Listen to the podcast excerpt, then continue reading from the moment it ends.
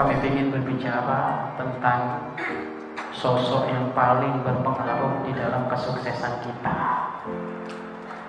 Yang kadang kita itu karena saking sayangnya tak taunya malah durhaka.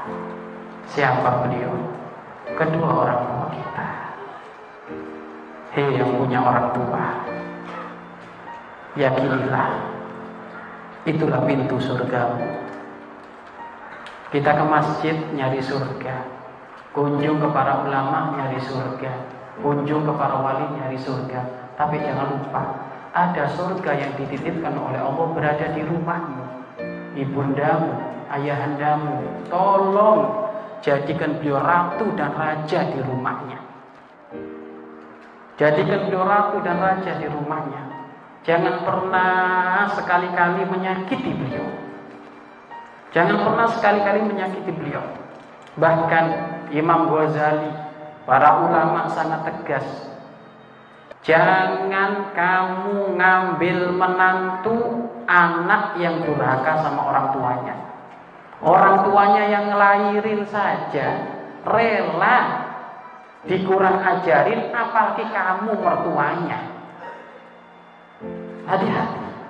Dan jangan berurusan dengan orang transaksi apa pun, usaha apa pun, join bisnis apa pun dengan orang yang kurang ajar sama orang tuanya.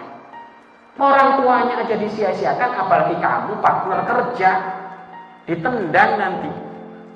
Hati-hati orang tua, orang tua, masya Allah.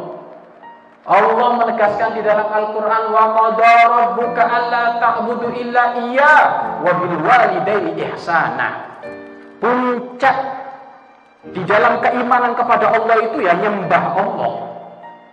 Puncaknya keimanan itu nyembah Allah, sholat lima waktu, sujud itu puncaknya keimanan. Dan puncaknya keimanan ini dijajar dengan wabil walidaini ihsana. Hendaknya kita kepada orang tua berbuat baik.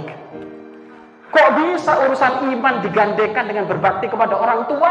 Ini menunjukkan pentingnya berbakti kepada orang tua.